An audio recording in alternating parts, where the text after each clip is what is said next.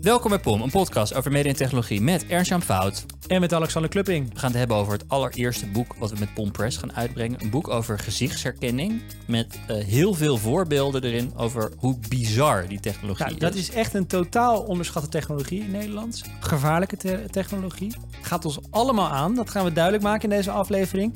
En uh, bestel vooral het boek voor op je gezichtsnuvanons.nl. Mooi, gelijk een call to action. Ernst die heeft een nieuwe sport ontdekt. Daar gaat hij alles over vertellen. Alexander legt uit waarom Zwitserland het droomland is. En hij wil zich geografisch nog verder uh, uitbreiden. Hij gaat ook eventjes bij Estland op bezoek binnenkort. Welkom bij deze laatste aflevering van op reis. Ja, een Pom op reis. van deze zomerserie van Pom. Dit is de laatste aflevering die ook gratis op de openbare kanalen staat. En al die mensen die nog geen abonnement genomen hebben op Podimo, voor hen is dit de ene laatste waarschuwing. Ga nu naar podimo.nl slash pom. En dan nu de show. Goed gedaan, Chris Segers. Chris Segers? Pom op reis. Oké. Okay.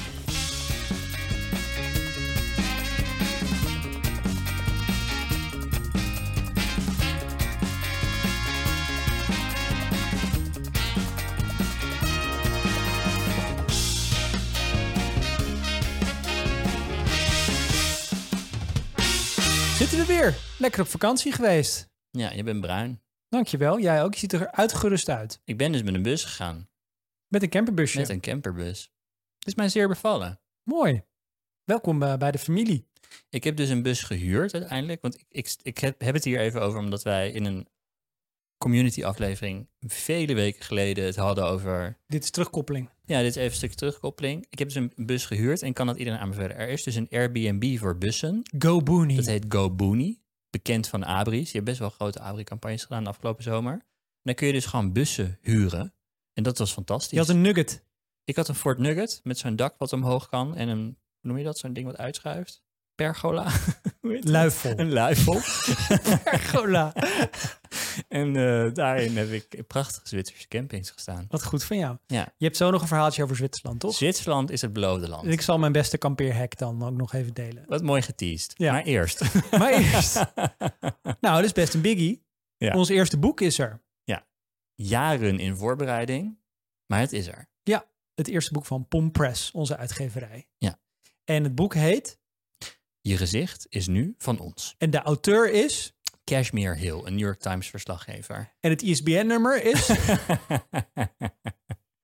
ja. Het boek is vanaf nu te bestellen op je gezichtsnuvanons.nl. Daar heeft Ernst een Shopify-store in elkaar geknutseld. Nou, dit is, dit is de landing op WordPress. Oh, en als je je, hebt- dan op Buy Now, of als je dan op Koop Nu klikt, dan ga je naar ons Shopify. Die Ah, ja. draait op PomPress. Oké. Ik heb hier zelf van genoten. Ja? Hele week sites met elkaar geklust. Ja? Ja, en wat ik vooral heel leuk vond, is dat ook op een gegeven moment kon overdragen aan jou en kon zeggen. En nu kan het naar Bangladesh. dan ga ik op Fiverr, Fiverr leger. op Fiverr nog eventjes wat CSS toevoegen. We gaan in de community aflevering meer meta dingen vertellen. Achter de schermen bij deze nieuwe uitgeverij. Ja. Met één belangrijk onderdeel erin, hoe belangrijk het is om voorbestellingen te hebben.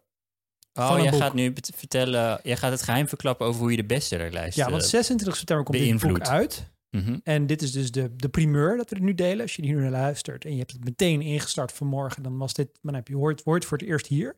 En wat we moeten gaan doen, moet ik even bijkomen. is met z'n allen zoveel mogelijk boeken voorbestellen, want dan komen we dus hoog op de bestsellerlijst binnen. Juist. En dat is de beste manier om andere mensen te laten ontdekken wat voor ontzettend goede boeken we bij POM als community maken en uitgeven. Oh, je maakt het nu in hun belang. Ja, Mooi. en er is ook nog een, ik bedoel, er is ook nog een beloning. Ja. Als je voor 26 september op je gezicht is nu van ons het boek voorbestelt, krijg je een gratis kaartje voor het online evenement dat wij met de auteur Cashmere en met z'n tweeën gaan doen. Dit boek, ehm, wat wij... eh, Het is zo leuk hoe cringe jij wordt van ehm, gewoon even commercieel zeggen waar het op staat. Ja, maar ik, je kan natuurlijk iets verkopen, maar we hebben nu nog niet gezegd wat het is. Nee, maar ik dacht, laat ik dat nu alvast zeggen. Gewoon, let's right get out of, out of the way. right out the gate. Right out the gate. En dan kunnen we nu vertellen waar, dan kunnen we nu naar de inhoud. Het, eh, het moment in het boek wat, wat, ik het meest, eh, wat mij het meest is bijgebleven, is een scène van eh, Facebook-medewerkers die een interne app hebben gemaakt bij een hackathon. Waar ze de gezichtendatabase van Facebook, wat natuurlijk niet dat helemaal op dat moment in de tijd was dat een heel grote database met gezichten. Namelijk iedereen uploadt een profielfoto van zichzelf op Facebook. Dus ze weten welke naam bij welke profielfoto hoort. Nou, dan heb je al een paar miljard mensen op aarde. Maar niet alleen dat, er is een hele lange periode geweest waarin Facebook-vrienden elkaar gingen taggen. Weet je dit nog? Ja, Dus als je zeker. dan foto's uploadde op Facebook, dan kwam dat ding met: Is dit jouw vriend Ernst? En hoefde je ja of nee te zeggen. En daarmee trainde je het gezichtsherkenningsalgoritme. Ja, de van use Facebook. case was een beetje voor de mensen die eh, begin 20 zijn en hier geen flauw idee over hebben. Je ging naar een feestje, je maakte een foto, dat zette je de volgende dag online Op Facebook. op Facebook. En dan tagde je je vrienden, zodat zij konden zien, hey, hier is die leuke kroegfoto van gisteravond. Ja. ja, kinderen. Zo ging dat vroeger. Zo deden oma Ernst en Alexander dat. Ja, maar deze, eh, deze scène in dit boek, wat eh Kashmir Hill beschrijft, gaat over programmeurs die met elkaar eh, een hackathon georganiseerd hebben en die een variatie van hun gezichtsherkenningsalgoritme hadden gemaakt, van toepassing eigenlijk. Namelijk door een petje te nemen, daar een Samsung Galaxy telefoon aan vast te ducttapen en de camera gericht naar voren, waardoor het gezichtsveld van de persoon die het petje draagt hetzelfde is als het gezichtsveld van de camera. Een soort in elkaar gekluste Google Glass. Ja, precies. Een soort bodycam eigenlijk. En wat dat ding automatisch deed, was de, ehm, de gezichten die voorbij kwamen in het gezichtsveld van die persoon automatisch herkennen aan de hand van dus de Facebook database met een miljard gezichten en dan de stem hardop uitspreken. dus dan liep er een schoonmaker langs en dan werd de naam van die schoonmaker hardop door de speaker gescandeerd van die, eh, van die telefoon. Wat tot hilariteit leidde van de Facebook-medewerkers die in hun vrije tijd, of tenminste niet echt vrije tijd, maar gewoon in losse tijd gemaakt hadden met technologie die hun voorhanden was en een database die hen voorhanden was. En het is grappig, want dit, zij plaatst deze anekdote in een, ehm, in een, eh, in een aantal voorbeelden. Bij Google is, heeft zo'nzelfde, eh, is zo'nzelfde ding heeft plaatsgevonden. Dus toen was er Google, ze hadden de Google-app. Daarin deden ze aan plaatsherkenning. Waardoor je, als je een foto maakte, kon je van de Eiffeltoren, kon je dan automatisch de Eiffeltoren herkennen, kon je meer informatie over de Eiffeltoren geven. Weet je wel? Dat zit Google in, Lens. Google Lens heet dat, precies. En dat zit in de Google-app. Dat is heel ver- verwarrend, maar dat heet dus de Het is Google-app. handig voor het shoppen als je iets moois ziet. Denk je, wat is Precies, dat? dat werd de tweede functie, dat je kleding kon fotograferen. Ze hebben het zelfs met planten gedaan, dus een plant kan identificeren. En toen was er een engineer die dacht, dit kunnen we dan ook met gezichten doen. Want we hebben Picasa, dat was de Oh, ja. Google Foto's van toen. Dat was de grootste foto, het online fotoboek. Naast Flickr, het is een beetje die tijd. En daarin werd ook aan gezichtsherkenning gedaan, aan tagging gedaan. En dus had Google ook zo'n grote gezichtsherkenningsdatabase. Dus wat zij schetst is hoe grote technologiebedrijven allemaal hun eigen gezichtsherkenningstechnologie maken. En eigenlijk, eh, ja, dat begon dan met programmeurs die dat idee hadden. Het begon een beetje op te klimmen binnen de organisatie. Totdat het terechtkwam bij mensen die gingen nadenken over... is het eigenlijk wel handig om dit eh, openbaar te maken, deze technologie? Is het wel handig dat op Facebook er foto's staan van inderdaad feestjes. Want dit is wat mensen vroeger deden. Foto's maken van feestjes. En dan misschien is op de voorgrond iemand iets aan het doen wat niet, wat je niet, waar, nou ja, goed, wat, eh, wat mensen leuk vinden om op de foto te zetten. Maar op de achtergrond gebeurt er iets waarvan je niet later herinnerd wil worden als jij die persoon zelf bent. Ik weet niet wat je aan het doen bent op dat feestje, maar misschien wil je niet dat je werkgever of andere mensen uit je omgeving die foto te zien krijgen. En opeens herkent dat algoritme dat jij in de achtergrond te zien bent en eh, komt, jouw naam daar, komt jouw naam daarbij te staan. En, op Google, weet je dat je in de metro zit en eh, er is een of andere pervert en die denkt ik ga dat leuke meisje eens fotograferen die tegenover me zit, want dan heb ik haar Facebook profiel en kan ik er gelijk een berichtje sturen. Er waren dus mensen binnen deze grote organisaties die dachten deze technologie, die gaan, wij niet, die gaan wij niet uitbrengen. Nee, maar er zijn ook bedrijven met een stuk minder scrupules. Want dit zijn dan de giganten. Die worden ook een beetje in de gaten gehouden. Die zijn bang voor hun public relations. Maar er zijn dus allemaal kleine gekke bedrijfjes die, eh, die dit ook doen. En sommige zijn heel groot geworden. En een van de... Ik weet dat ik een jaar geleden hoorde via Cashmere Hill. Die had hier een stuk over geschreven in de New York Times. Over Pim Eyes. Een site van Georgische makelij. En daar kun je eh, een foto van jezelf uploaden. Van iemand anders mag. Officieel niet. Niemand die je tegenhoudt. Ja, Maar- het is een vinkje. Ja. ja. En ehm, dan zoekt hij vervolgens met terugwerkende kracht alle foto's op die van jou online zijn geplaatst op publieke plekken. Dus Ja. niet op sociale media, Ehm, maar bijvoorbeeld wel op Flickr. Eh, wat vroeger, ook weer, al Ja, ja. Alexander vertellen, vroeger was dat een site waar iedereen ook zijn foto's opgooide. En ik kwam dus allemaal foto's tegen uit, nou, van, eh, weet ik veel, 2006, 2007, van feestjes waarvan ik überhaupt vergeten was dat ik er was geweest of niet herkende. Maar er wel vrij bezopen uitzag. Met vlekken op mijn shirt en zo. En uh, Cashmere beschreef in dat artikel op de New York Times dat die, die pervert waar jij het net over had, die, kunnen, die kan bijvoorbeeld uh, die foto uploaden op Pim Ice en uh, nou achterhalen wie dat is. maar wat er dus ook gebeurde is dat er van mensen een verleden in de porno-industrie werd, naar boven werd gehaald. Juist. Um, zo, ze sprak iemand die nu developer was, maar ooit een keer in geldnood auditie had gedaan voor een pornofilm. Dat zo verschrikkelijk vond dat ze het daarna nooit meer had gedaan. Maar die beelden waren weer omhoog gekomen via Pim Eyes. En um, met als consequentie dat je dus eigenlijk iedereen van de tweede kans in de maatschappij uh, neem ontneemt. je af, ontneemt. Ja, ja, want misschien heb je een keer een op een demonstratie gelopen waar je nu niet meer achter staat. Of je was dronken op een feestje, of je ging vreemd in een club. En dat is allemaal nu met terugwerkende kracht te vinden. Ook als jij op de achtergrond staat te tongen, vanaf de zijkant gefotografeerd, kan Pim Eyes gewoon herkennen. En Pim Eyes is dan een publiekelijk beschikbare tool die dus niet sociale media foto's uh, heeft uh, geanalyseerd. Maar je hebt dus een andere start-up, uh, en daar gaat dit boek van Cashmere over, Clearview, Clearview AI, die dit wel doet. Die heeft miljarden foto's in een database, ook gewoon van ons. Dat kan bijna niet anders. Dat is gewoon zo. Dat is gewoon zo. Ja. En uh, um, nou ja, politiekorps over de hele wereld kunnen daar ge bijvoorbeeld gebruik van maken. En ja, als dat in de verkeerde handen valt, als die technologie die dus gewoon bestaat, uh, publiekelijk beschikbaar wordt, dan is dus niemand meer anoniem. Ja, wat Clearview, wat zij eigenlijk beschrijft, en zij volgt dus eigenlijk het boek, hoe je het boek leest, is een journalist die dit schimmige bedrijfje eigenlijk gaat onderzoeken. En dan gewoon op een gegeven moment gewoon aan, maar gaat aanbellen en zo bij panden waar zij geregistreerd worden. Om dan eigenlijk achter te komen wie hier nou achter zit. Want het blijkt bij de politie in Amerika als een, als een soort van lopend vuurtje rond te gaan. Mensen delen ook accounts uh, van deze geheimzinnige tool met elkaar. Zeggen dan moet je hier eens kijken. Uh, die, die politieagenten maken er ook een soort van barspelletje van op het moment dat ze het voor het eerst doen. Dan gaan ze bijvoorbeeld, er zit een scène in van een politieagent die dus voor het eerst die app op zijn telefoon heeft.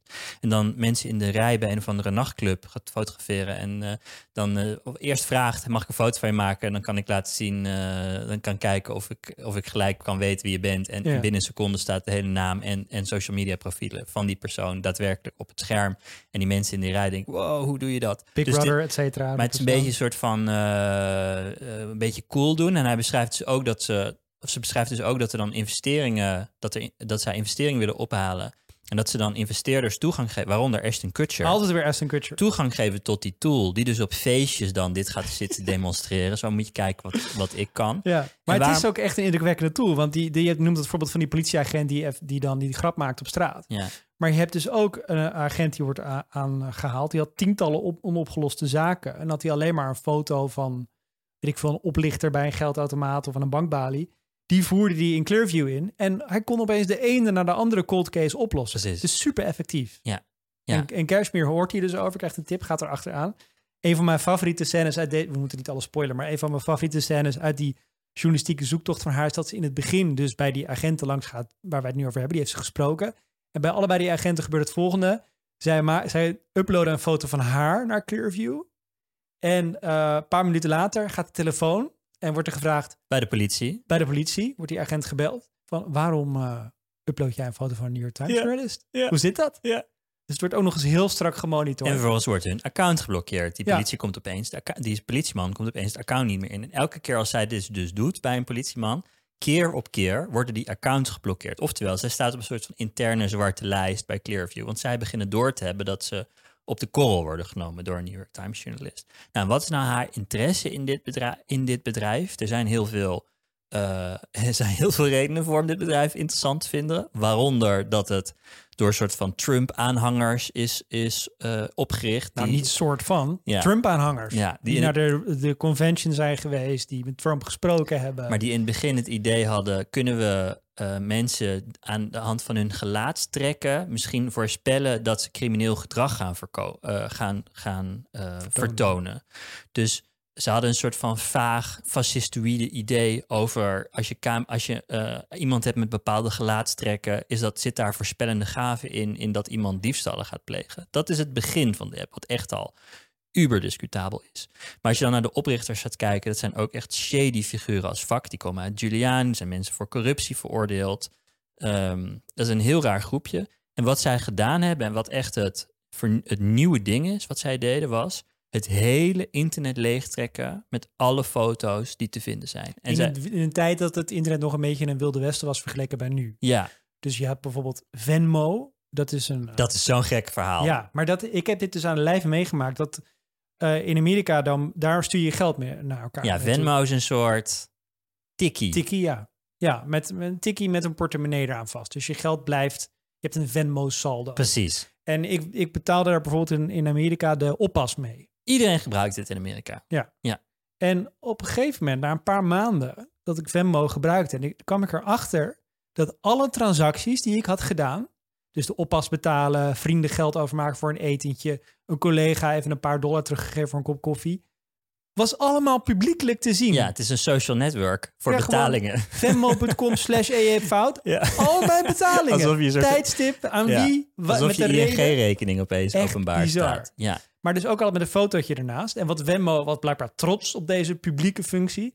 Dus die had op hun frontpage elke keer eh laten die nieuwe transacties in van willekeurige mensen. ja, in een schermpje van een telefoon. Dus als een Ja. soort van demo-feed. Zo van moet je kijken wat er allemaal gebeurt. Met echte transacties. Met echte transacties. Echte mensen en echte profielfoto's.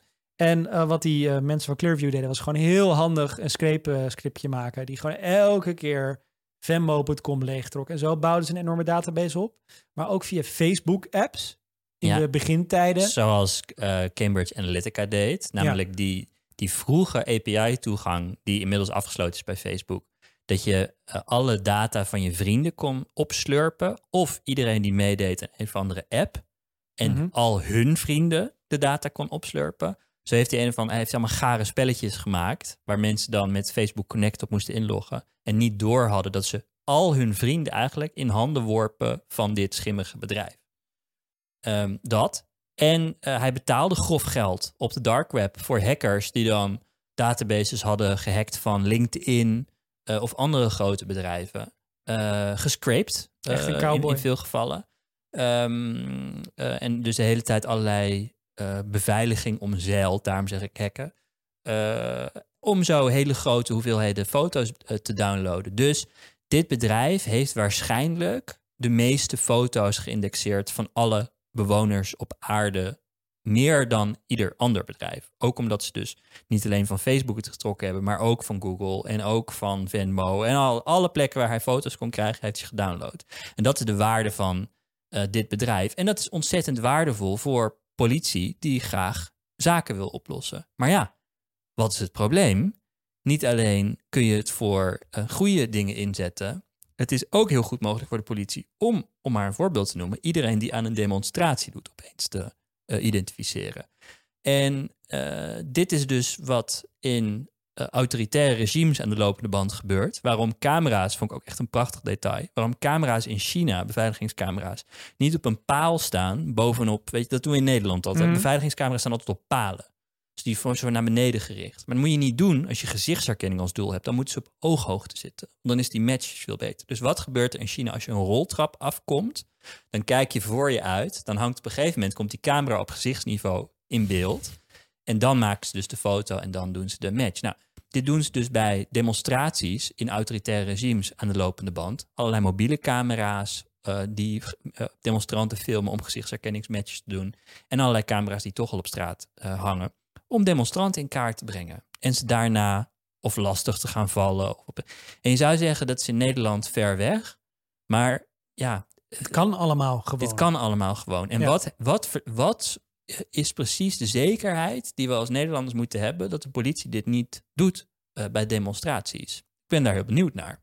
Maar als je daar even een komma neerzet, want stel dat je dit, deze technologie zo ethisch en zo voorzichtig mogelijk inzet om mensen op te speuren, dan nog gaat het fout. Want er is zoiets als valse positieve. Ja. Eh, voornamelijk gezichtsherkenning is echt slecht met, eh, of slecht, functioneert slechter eh, bij mensen van kleur. Ja. Dus wat er in Amerika al een paar keer gebeurd is, en zij noemt, noemt een paar eh, voorbeelden daarvan in het boek, is dat eh, eh, zwarte mannen worden opgepakt Ja. eh, ten, ten onrechte. En niet heel fijnzinnig worden opgepakt, maar Nee. zoals het in Amerika gaat, gewoon opgepikt worden, in een voorarrest worden gezet en, eh, nou, dus de- de- een super ingrijpende ervaring voor hen is. Dus zelfs als je het ehm, normaal inzet, dan nog kan het, kan het fout gaan. Dus daar moet heel streng toezicht op worden gehouden van hoe weeg je gezichtsherkenning in, in, je, in je politiewerk. Wat voor garanties hebben wij dat de politie hier geen misbruik van maakt? In Amerika zijn er al een paar van die bizarre episodes geweest waar politiekorpsen werden teruggefloten eh, door de publieke opinie. Eh, bijvoorbeeld dat, dat eh, er experimenten waren met ehm, de Amazon deurbellen, Ring, Ja. Waarbij eh, politiekorpsen een eh, melding konden geven als er in, je, in, je, in het beeld van jouw deurbel iemand voorbij liep die veroordeeld was voor seksueel misdrijf. Die een pushbericht krijgt, loopt de Ja. pedo langs. ja. ja, oh ja, seksueel misdrijf met minderjarigen. Ja. Ja. En ehm, dat is, daar, daar kun je al alles van vinden, maar weet ik veel. Misschien vind je wel dat mensen een tweede kans verdienen, bijvoorbeeld. Mhm. Uh, maar uh, als stel dat je dat niet vindt um, de, en je vindt dat er een, iets als een pedo-alarm moet zijn, dan nog heb je het probleem van valse positieven bijvoorbeeld. Juist. En uh, dat, dat, dat soort zaken die dan, die dan uh, wel in de publieke opinie terechtkomen en Ja. waar dan steeds, waar dan meteen ophef over is, laten zien hoe gretig Precies. politiekorpsen dit in willen zetten. Nou, dus er zijn, er zijn een aantal dimensies, denk ik. Eén is, ehm, als jij weet, als je er... Kijk, nu als je camera's tegenkomt, is de kans vrij groot dat daar geen gezichtsherkenning op zit. Maar als straks de camera's die op straat staan, of inderdaad in winkels hangen, of Amazon deurbellen, of gewoon als je, als je, even, goed- als je gewoon op straat gaat staan en je gaat even goed om je heen kijken en hoeveel camera's staan op dat moment op jou gericht, dat is best wel schrikbarend al. Ehm, als we op al die camera's gezichtsherkenning gaan installeren, dan is dus de vraag: wat kun je daar vervolgens technisch allemaal mee doen en hoe, hoe, hoe ga je dat allemaal, hoe ga je die techniek allemaal toepassen? Nou, in China gebruiken ze dat eh, in één stad in ieder geval om geautomatiseerd een boete te sturen op het moment dat jij door rood loopt. Dus de camera. In Ningbo. Voor het, voor het geval je naar Ningbo gaat in China, Dat is een fijne let waarschuwing. even op. Maar dan is dus de afhandeling via sms. En dan wordt het gewoon van je rekening. Je liep net door rood. Het Maar je wordt ook geshamed daar, toch? Je wordt dat toch Dat is een andere stad. Waar ze inderdaad. Dat is de, Ningbo. Ja, dat, ik weet niet Ik heb welke stad dat hier wordt. Nee, maar dat is altijd veel genoemd. Dat je dus geshamed wordt op een scherm. Eh, maar er is dus ook een stad waar je direct auto- geautomatiseerd een boete krijgt. Ik vind nogal wat. Het is dan een soort rekening rijden, maar dan met door rood lopen aan de hand van eh, gezichtsherkenning. En wat dat doet, is.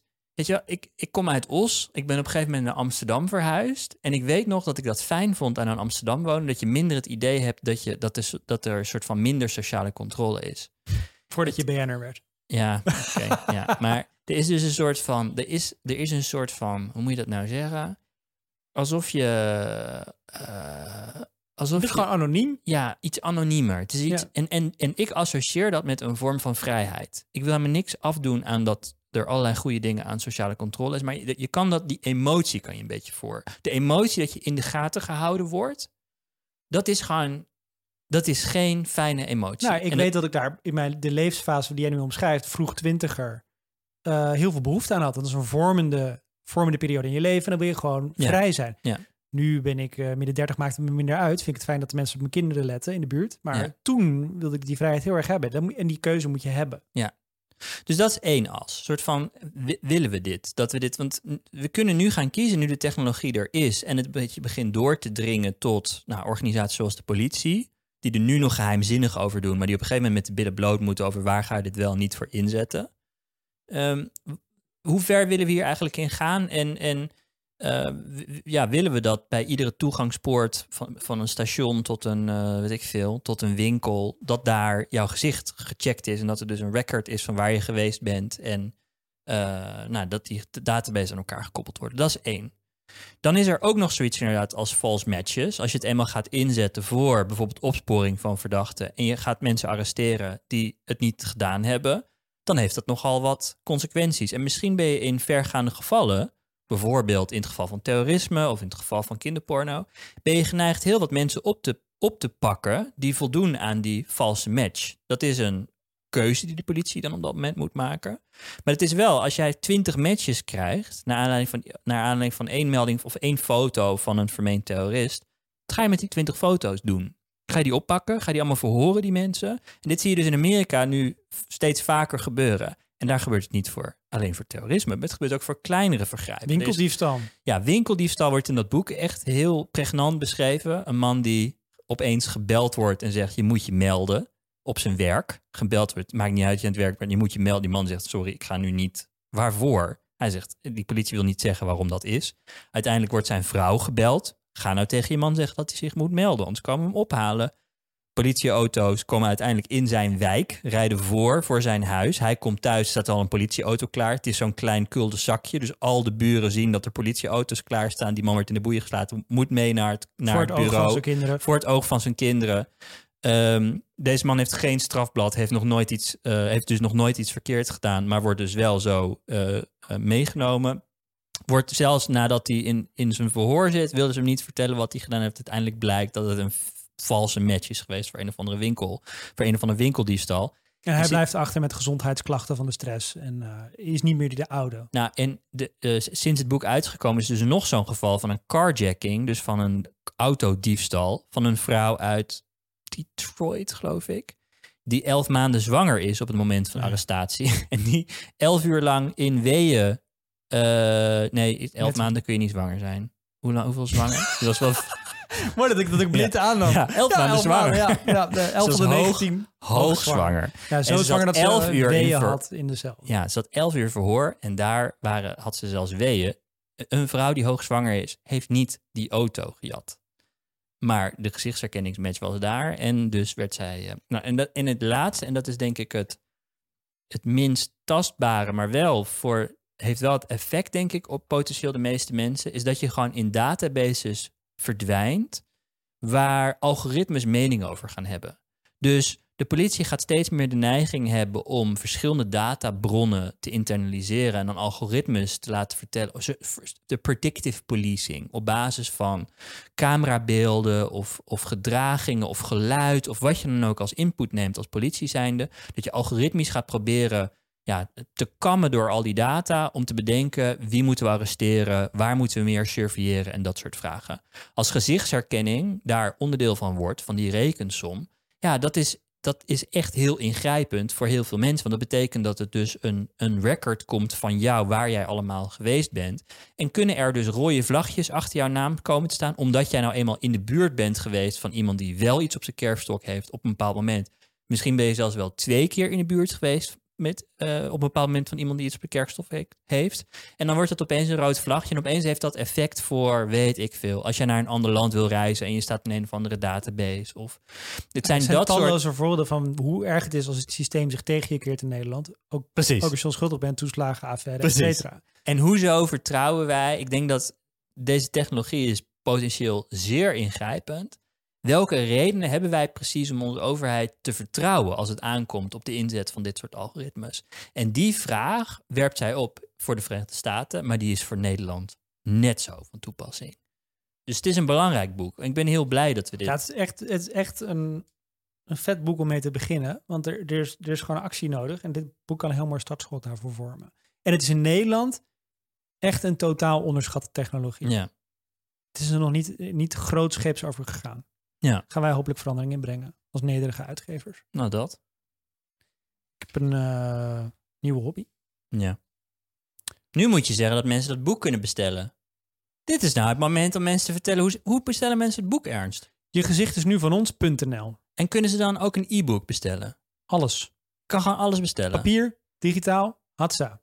23,50 voor het papieren boek. Oké, Ik ben de prijs van het e-book vergeten. Volgens mij het is 12,50. altijd minder. Ja, en eh, je kunt... Terwijl hetzelfde inhoud. Ja, Ik zeg het maar even. Leuk dat je het zegt. Maar je betaalt dus veel meer royalties en veel meer BTW als uitgever. Nou, en meer van dit soort details hoor je straks in de community Ja. af. En als je dus voor 26 september zo'n boek voorbestelt, gaan we lekker met z'n allen in een Zoom-call zitten. En, eh, en met... eh je met weet de wel te verkopen. Ja, ik wou net zeggen. online, Online event. online event. Met cashmere. de schrijfster van dit boek. Ja. Ik heb dus een nieuwe hobby. Ja. Rukken. Jezus Christus. Dat is een Amerikaanse sport. waarvan je de naam niet naar het Nederlands moet vertalen, want dat klinkt heel gek. Maar ik dacht, ik maak hem gewoon meteen Ja. een grap, dan hebben we het uit de weg. Het is niet echt brand safe dit. Nee. Als uitgever van een boek wat we zojuist besproken hebben, maak ik bezwaar tegen sandwiching van onderwerpen op deze manier. Maar oké, Het heet Rocking, rocking, ja, ja, R-U-C-K-I-N-G. fijn. En ik kwam deze sport, wat dat is het, Ja. tegen in een, eh, een boek dat ik deze zomer las. Eh, The Comfort Crisis van Michael Easter. En eh, dat boek gaat erover dat evolutionair gezien moeten mensen comfort zoeken. Want als je comfort zoekt, dan, dus wat ik vroeger als holbewoners, moest je comfort zoeken, want dan verbrandde je geen energie, dan was je veilig. Hmm. En we zijn nog steeds ingesteld op comfort zoeken. Dit is waarom ik een Eat Sleep heb gekocht. Dit is waarom Tim Ferriss bestaat. Ja, Omdat we hebt dus- holbewoners zijn, nog steeds van binnen. we zijn nog steeds. Dat Ik snap is het. Ge, ge, maar overleving. gehardwired. Mooi. een van de gevolgen daarvan is bijvoorbeeld dat hoe comfortabel je ook bent als mens, je blijft de omgeving scannen op mogelijke problemen en gevaren. Dat Mhm. is ook evolutionair. Hardwire, Ja. ja. Waardoor bijvoorbeeld mensen die in een doodsaaie Phoenixwijk wonen zich helemaal kunnen opwinden over die ene buurman die zijn container net iets te veel op de stoep zet. Vet. En eh, die Michael Easter die heeft een soort bizarre mix in dat boek tussen totale Americana kitsch en wetenschappelijk onderbouwde ehm, eh, ja, observaties over hoe wij te veel naar comfort streven en dat ons dat dus ongezonder maakt en luier. En we- we consumeren bijvoorbeeld door, we proberen geluk te vinden door te consumeren. Dat kan je allemaal terugvoeren op onze hardwiring. Mhm. En hij omschrijft dan bijvoorbeeld het dagelijks leven van een gemiddelde Amerikaan. Die ligt op een heel lekker matras, wordt dan wakker 's morgens, eh, maakt, eh, maakt een ontbijtje, stapt in de auto, rijdt naar werk, zit daar acht uur, stapt in de auto, gaat weer terug, gaat op de bank zitten, kijkt tv en gaat weer slapen. Rinse and repeat. Dus je beweegt ook bijna niet. En daarom gaat voor het eerst in de geschiedenis, moderne geschiedenis van Amerika de levensverwachting ook achteruit. En ehm, Door het gebrek aan bewegen. gebrek aan bewegen, slecht voedsel, Ja. ehm, et cetera. En hij, eh, maar wat, wat ik dus vet vond aan het boek, waarom het relevant was voor mij, ook al, eh, ook al ben ik geen Amerikaan, is dat hij dus ehm, een paar tips geeft hoe je eh, eigenlijk uit je comfortzone kan breken en, en daardoor gezonder of gelukkiger kan worden. En een daarvan was dus rocking. En rocking is een, is een sport die is gebaseerd op militaire principes. Want wat doet een leger als ze een recruit hebben? Hoe maken ze die sterk? Ze binden die persoon een rugzakje om met wat gewicht erin en eh, sturen hem uitlopen Ja. of uitrennen. ja. En eh, dat blijkt dus een fantastische sport te zijn. Gewoon lopen met gewichten. Met gewicht in je rugzak. Ja, Conditioneel, conditioneel is die die, doet die, die Andrew Huberman, Huberman doet dat ook. Ja? Ja. Nou, ik kwam dus in een heerlijk rabbit hole terecht. Ik heb dus, eh, want je hebt die, dit heeft een paar pomraakvlakken. Ja. Namelijk Pomsumentenbond, de gear die je moet kopen. Voor je rugzak. Ja, Voor je gewichten. dat is een totale rabbit hole met allemaal YouTube reviews waar ik enorm van genoten heb. Maar het is ook een soort optimalisatie in de zin van Ja. dat je met rocking dus en conditie en je core en je uithoudingsvermogen eh, en ki eh, kilocalorieën heel veel verbrandt. Want je verbrandt drie keer meer kilocalorieën dan, als je dan eh, wanneer je wandelt. Ehm, het is veel minder blessuregevoelig dan hardlopen. Hmm. En eh, het is, goed, het is go- goed te combineren met bijvoorbeeld praten met iemand met wie je wandelt. Of Ja. naar dingen luisteren. Dus je hoeft niet heel hard te lopen om al, om al de eh, profijten van te hebben. Je moet iets van eh, maximaal 12 minuten over een kilometer doen. Nou, dat is twee keer langzamer Volgens mij is het ook zo'n typische zone 2 activity. Het is dat. Nou, je hebt, je hebt van die hartslagmeters die, die, die zeggen dan in welke zone je zit. Dus Mhm. vier is dan je absolute eh, uiterste wat je kan. En één is gewoon je dag doorkomen. Twee is, dat wordt dan beschreven als in als je eigenlijk niet echt meer een gesprek met iemand kan voeren. Dus je moet net Hmm. niet een gesprek kunnen voeren met iemand. Omdat je net buiten adem genoeg bent. Dus net hard genoeg fietsen dat het niet meer echt chill is om te praten met Oh ja. iemand. Dan ben je je hart echt goed aan het werk aan het zetten. Dat moet je minimaal x minuten per dag doen. En dan is de kans op hart- en vaatziekten en andere van die typische killers als je een jaar of zeventig wordt, eh, waardoor je lichaam achter, eh, een soort van achteruit gaat en je uiteindelijk sterft, is allemaal te voorkomen of voor een heel groot deel te voorkomen als je genoeg zone 2 activiteit Ik wist wel dat je op Las ik in het boek van die Pieter Attia, die dat oud uh, lift, wat al 100 Heb je dat jaar gelezen? Nu, ja, wat nu al 100 jaar in de New York Times bestseller Ja, ik staat. durf daar dus niet aan te beginnen, omdat ik bang ben als ik dat lees. Oh, is heel leuk. Ik had het al met Comfort Crisis al een beetje. Er zit ook heel veel gezondheidsadvies Maar je kan het je boek besparen door gewoon de twee dingen te zeggen die hij eigenlijk zegt. Want het is echt weer een Amerikaans boek in de zin dat er het had ook een tweet kunnen zijn. Eén is, ehm, als je nou gewoon genoeg zone 2 activiteit doet, dan blijf je gezonder.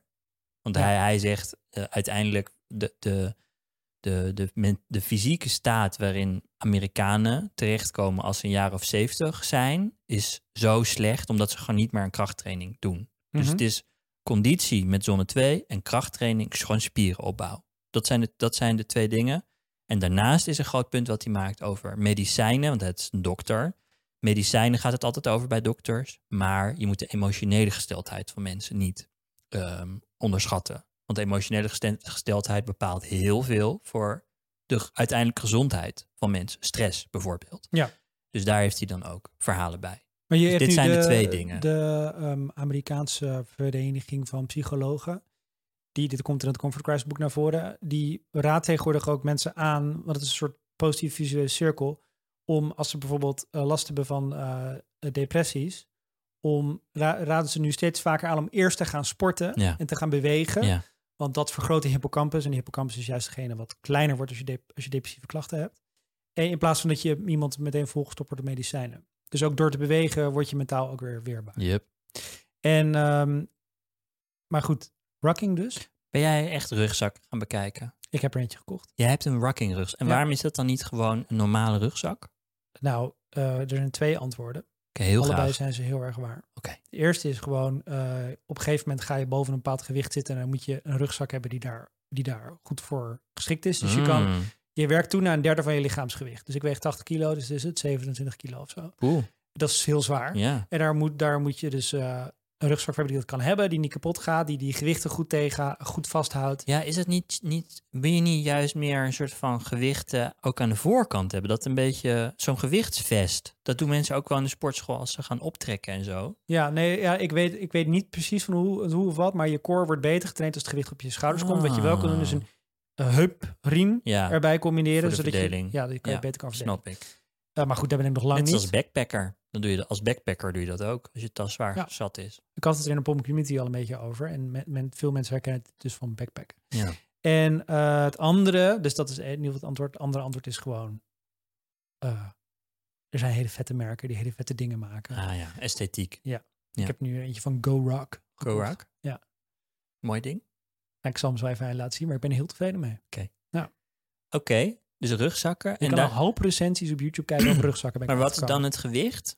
Hoe doe Nou, je ik dat? heb nu- Baksteen. Baksteen of zo, maar ik heb er nu gewoon de, in de lingo van die community, EDC, Everyday Carry, heb Everyday ik zo'n carry. rugzak heb gekocht. En als ik daar mijn laptop, tablet, Remarkable, eh, powerbank in gooi, dan Oh, Oké, jij neemt gewoon gadgets mee. Ja, dat is jouw is- manier om het zwaarder te maken. voor, voor dagelijks gebruik. En eh, daardoor is hij al zwaarder dan ik normaal zou doen. Ehm, en voor als ik ga wandelen, gooi ik er een zandzak in. Een zandzak. Ja, een zandzakje. Een Ja, zandzakje. je kan ook bakstenen, kan je ook eh, met als je daar duct tape omheen doet, anders Ja. beschadig je, beschadig je, je tas. mooie esthetische Ja. tas. Kan je die erin gooien, volgens mij is een baksteen 2,5 kilo. Kan je het zo opbouwen. Ik begin, eh, ik ben nu gewoon licht aan het beginnen. En heb je een soort schemaatje? Of doe je dit gewoon als je er zin in Ja, hebt? heb ik op mijn site gezet. Heb je op je site gezet? Ja. Wat fijn. Voor als mensen wat- meer willen weten. Het is nog niet zo doorgebroken in Nederland, dus ik moest al die dingen vanuit Ja, bent en dit op de kaart ponden aan het aan het, zetten. aan het, eh, aan het Heb je nog een column in de krant?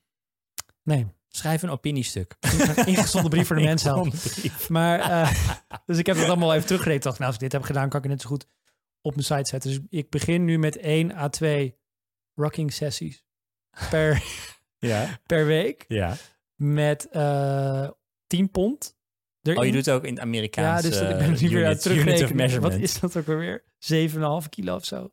Volgens mij is de pond 450 gram. Nee, 20, sorry, 20 pond gooi ik erin. Dat is, dat is twee keer, eh, twee keer 4, kom nog wat. Dus dan kom je op 8 kilo zo ongeveer uit. En eh, daar, vanuit daar ga ik het opbouwen. Oké. Als je een keer mee wil rukken, dan ben je van harte welkom. zo, zo ongelooflijk 538 allemaal. Heb je gehoord dat 538 een, eh, een nieuw Sowieso niet. zomer Wat je ook heeft? gaat zeggen, ik heb het niet gehoord. Namelijk dat je... Je kent het, het principe van raad het geluid? Ik ken het van de billboards. Ja, precies. Dat doet Q-Music volgens mij. Ja. Dat andere. Rode poster, Andere- grote andere microfoon, twee, twee blije DJ's erachter. En dan, moet je, dan laten ze een scheten, dan moet je raden te scheten. Is toch? Nou, en precies dit heeft 538 heel letterlijk genomen. Herkende scheet. Dus zij hebben BN'ers benaderd met de vraag of ze een scheet willen opnemen. Dan kunnen ze die afspelen, kunnen de hele dag mensen... Het is toch echt, de energie stroomt toch uit je lijf als je dit hoort. Ja. Dit is John de Mol. Ja, ik wil toch even gezegd We hebben het er wel over. Goed. Hoe Eh, was jouw vakantie, Alexander? Ik ben naar... Je hebt nog een teaser over Zwitserland. Ik ben naar Zwitserland geweest. Daar, dat is echt het beloofde land. dat is echt.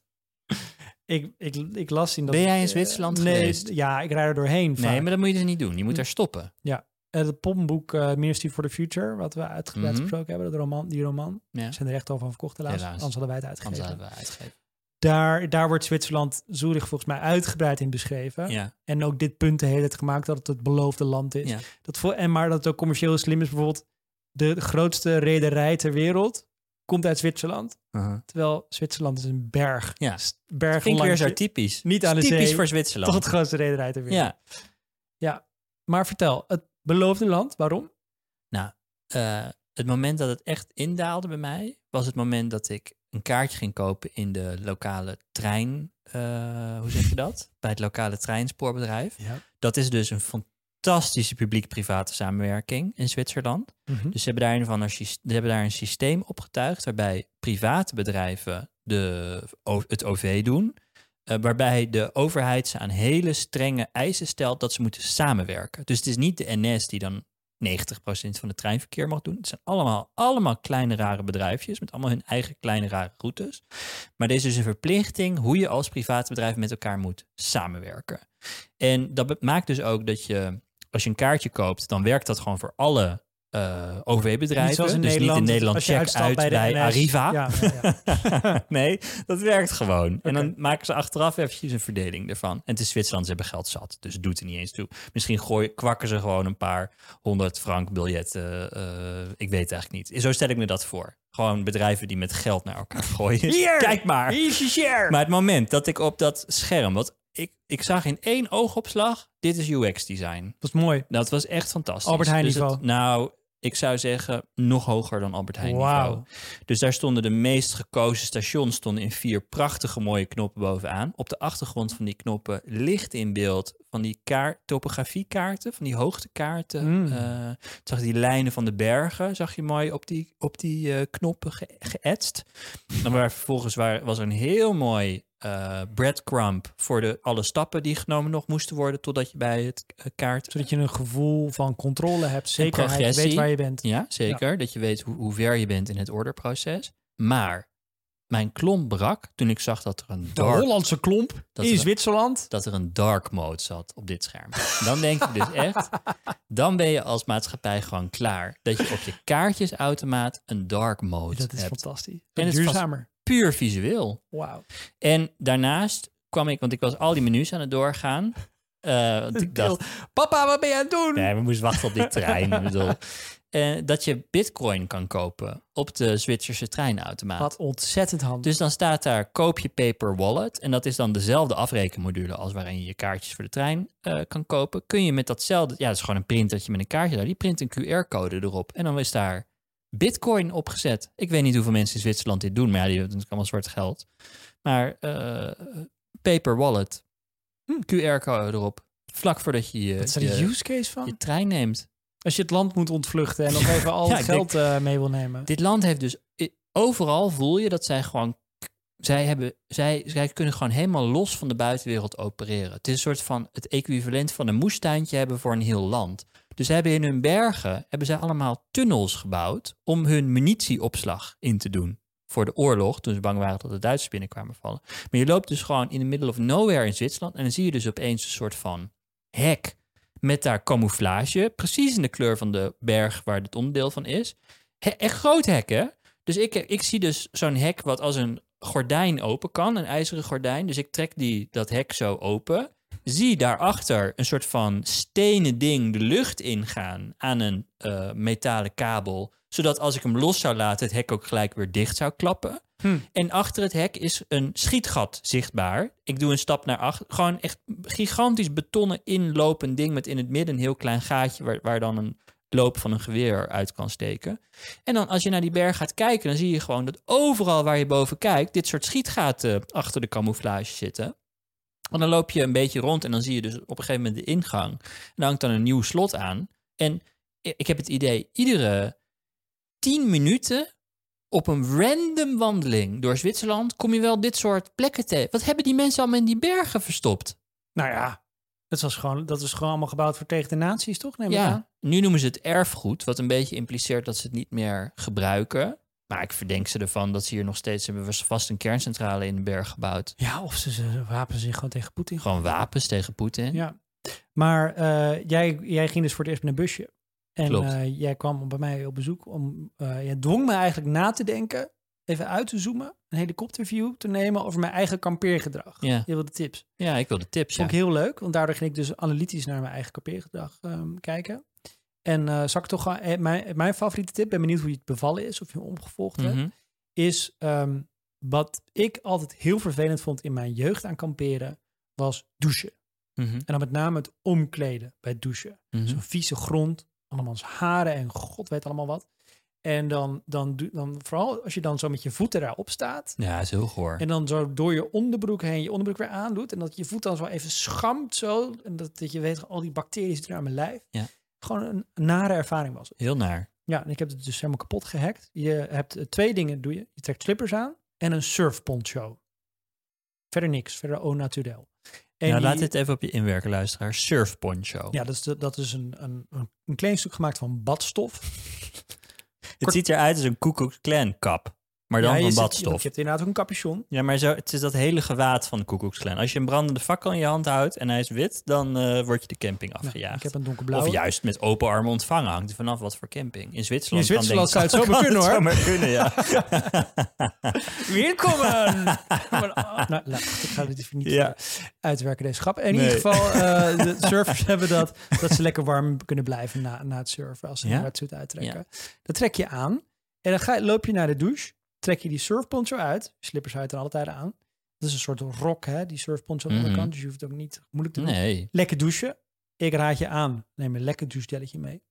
Iets luxer dan thuis. iets luxer. Even compenseren. Even Hermes Ja. op, de, op de Even- camping. Ik heb La Labo. En eh, dat is dan eh, net wat luxer. Beetje een spa-gevoel. Ja. Ben je klaar? Op je slippers. Ja, ben je klaar? En dan eh, maak je jezelf droog met die surfponcho. Trek je hem weer aan. En loop je heerlijk ontspannen terug naar je campertje. Ja, het is eigenlijk in je handdoek eh, je voortbewegen. Ja. Heel praktisch. Heb je het gedaan? Ik heb dit zeker gedaan, Ernst. Kijk eens aan. Wat Nee. fijn, wat goed te horen. Ja, zeker. Eh, ik vind douchen nog steeds vrij vervelend, moet ik zeggen, op de camping. Dat vind ik echt, echt wel een probleem. Mm. Dit was mijn eerste campingervaring. Waarom ik vind vond je dat zo Ik vind dan? het niet prettig. Omdat je het op knopje moet Er drukken. zijn andere mensen. Ik wil gewoon me kunnen terugtrekken. Oh, ja. Dat kan daar niet. Het zij zo, maar het is wel een, het, grootste, het grootste nadeel gelijk. Want voor de rest vond ik eigenlijk alles fantastisch. Mooi. Zwitserland is duur, jongen. Waarom zijn ze zo rijk daar? Ik heb, dat weet ik eigenlijk helemaal niet. Ze hebben toch geen spectaculaire Volgens mij gewoon dat ze zo'n financiële, financiële Gewoon geld maken met geld. ja, banken. Kijk, van Noorwegen begrijp ik het. Maar... Oké. Volgens mij is dat echt wat, het- wat, ze, wat ze doen. Hm. Gewoon banken. Ja, en eh, gerund als een bedrijf, zeggen ze altijd, die overheid. Ik ga dus over twee weken naar Estland. Dat is nog zo'n raar land. Dat is een eh, eh, kleine Baltische staat. Ze is ook denk ik erg met verdedigen bezig. ja, en daar hebben ze ook wel iets meer reden toe op dit moment dan, ehm, dan Zwitserland. Maar ik ben dus heel erg geïnteresseerd. Estonia, ja, al heel lang geïnteresseerd in Estonia. Want we- ik, ik denk dat veel mensen wel weten dat zij een goede digitale overheid hebben. Dat je daar digitaal kan stemmen en dat heel veel diensten gedigitaliseerd zijn. Eh, maar, eh, dus ik dacht, ik maak een kleine studietrip naar Estland. Ook als content voor deze podcast. Dat je het ook kunt aftrekken van de belasting nu bij deze. bijvoorbeeld. Ja, kan je, je kan deze om link gewoon rukken. Ik voor- denk dat ik daar ga rukken. met een timestamp naar je accountant forwarden. Juist. Heel goed. Luister, Belastingdienst. dit is waarom ik daarheen ga. En ehm, ik heb dus allemaal afspraken met mensen die dus aan, die aan de, eh, die aan de. Hoe zeg je dat? Ten, aan de grond. Aan de grond. Hoe zeg je dat? Aan de voet stonden. Die, die ermee begonnen zijn. Ja, dat die ermee begonnen Ja, zijn. Wat nou. hebben ze gebouwd? Zij bouwden die digitale infrastructuur. Ik ben met al die mensen aan het afspreken. En dus mijn neiging is dus, in, uit mijn Blendel-tijd, als ik gewoon, ik moet afspraken hebben met mensen die ergens iets van weten, ga ik gewoon LinkedIn scrapen. En ik ga, nou, ik heb een paar dingetjes die ik dan doe. Oh, even door Clearview. Dat klonk een beetje Ga ik even Clearview. door Clearview.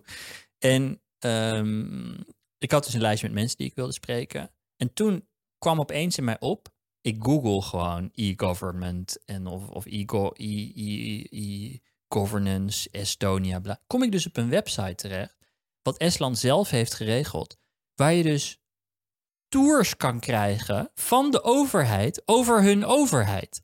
Dus het is, je komt op een website waar je een soort van winkelkarretje hebt en waar je dan kan zeggen, nou, waarin ben je geïnteresseerd van ons land? Dan hebben ze dus het kopje, subkopje onderwijs. Eh, we hebben besloten om al onze eh, ehm, toegang tot, of admissions, hoe zeg je dat, toegelaten worden tot basisscholen of middelbare Ja. scholen. Vonden we inefficiënt, hebben we compleet gedigitaliseerd. Daar kunnen we je iets over vertellen. We hebben ook eh, voor onze, al onze leerlingen hebben we dashboards waar ze bijvoorbeeld 3D-animaties kunnen kijken van bepaalde dingen die docenten in hun lesprogramma kunnen integreren. Kun je ook kijken.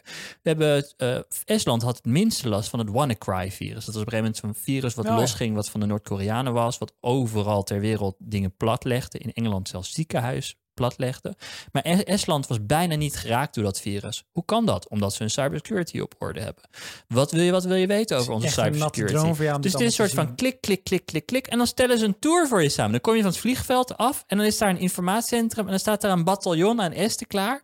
Die je gaat vertellen over hoe efficiënt zij hun overheid ingericht hebben. Dit doen zij. Ik ben echt heel blij voor je. En hier begint het al mee. Dus ook daarover zal ik meer vertellen de komende weken in deze podcast. Live reportage. Misschien moet je op je telefoon een live reportage elementen Nee, dit is allemaal voor achter de betaalmuur. Dit gun ik Podimo. Deze ongelofelijke content. Nou, bij deze. We gaan nu ook weer kruipen weer achter het muurtje. Dit was de laatste keer deze zomer dat we ook voor publiekelijk eh, Ja, we nemen weer afscheid van alle cheapskates. best wel veel cheapskates gesproken die weer lid zijn geworden. Ja, die lid, of voor het eerst lid zijn geworden van Podimo. Ja. Nou, in, in dat geval van harte welkom. Een extra warm welkom aan onze Podimo-luisteraars. En die andere mensen hebben nog één kans om nu mee te komen achter het muurtje. We hebben van jullie genoten deze zomer. Het was een prachtig weerzien. Ja. Eh, kom lekker bij de Paarse Deense Gigant. Ja. Het is weer heel aangenaam. Heel aangenaam. Je kunt naar Dijkhoff en eh Segers luisteren. Dat heb jij recent ook gedaan. Dat vind Ja. jij een hele goede podcast. Verrassend goede podcasters Superleuk. zijn ja, dat. is echt zo. Ja, Ja, dat heb zeg die ik zonder, voor- eh, zonder spoor van ironie. nee, eh, dat, eh, over die, wel leuk om mee te beginnen als je een pommer bent, is die, de, hoe journalisten en politici zich tot elkaar verhouden. En ik vind het zo goed dat zij dit doen. Ja. Want de- Nederland heeft geen traditie van politieke memoires. Er überhaupt niet reflecteren na afloop, want het moet, de draaideur moet door, dus je moet weer ergens anders aan de bak. En zij zijn echt ontzettend open Ja. over hun dilemma's. Ja, het is echt het equivalent van memoires schrijven eigenlijk. Ja. Het is heel cool. Die aflevering naar, na het aftreden van Rutte is ook echt vet. Dat ze, ze worden bijna boos op elkaar. Het, het- ze, ze, komen weer, ze, ze kunnen zich herinneren hoe het ook weer was om tegenstanders te zijn binnen een regering. Ja. En nu met afstand dat beschouwen, dus met eh, empathie Hm. voor elkaar. Ik vond het echt super nuttig eh, dat ze dat deden. En heel leuk om te luisteren. Dus die aflevering kan ik ook van harte aanbevelen. Achter de betaalmuur bij Podimo. ja. En nu naar je gezicht is nu van ons. Ook kun je ook kopen. Kopen, kopen, Hatsa. kopen. En daarna koop je een rugzak. En daarna koop je een baksteen van goud. Ja, GoRock heeft helaas geen affiliate-programma. Dat is echt jammer. Daar ga ik niks aan verdienen. Dit deel ik gewoon uit de goedheid van mijn hart. Goed. Achter de betaalmuur kun je Weet je waar ze ook bakstenen van goud hebben? bij Podimo. Zwitserland. Oh ja.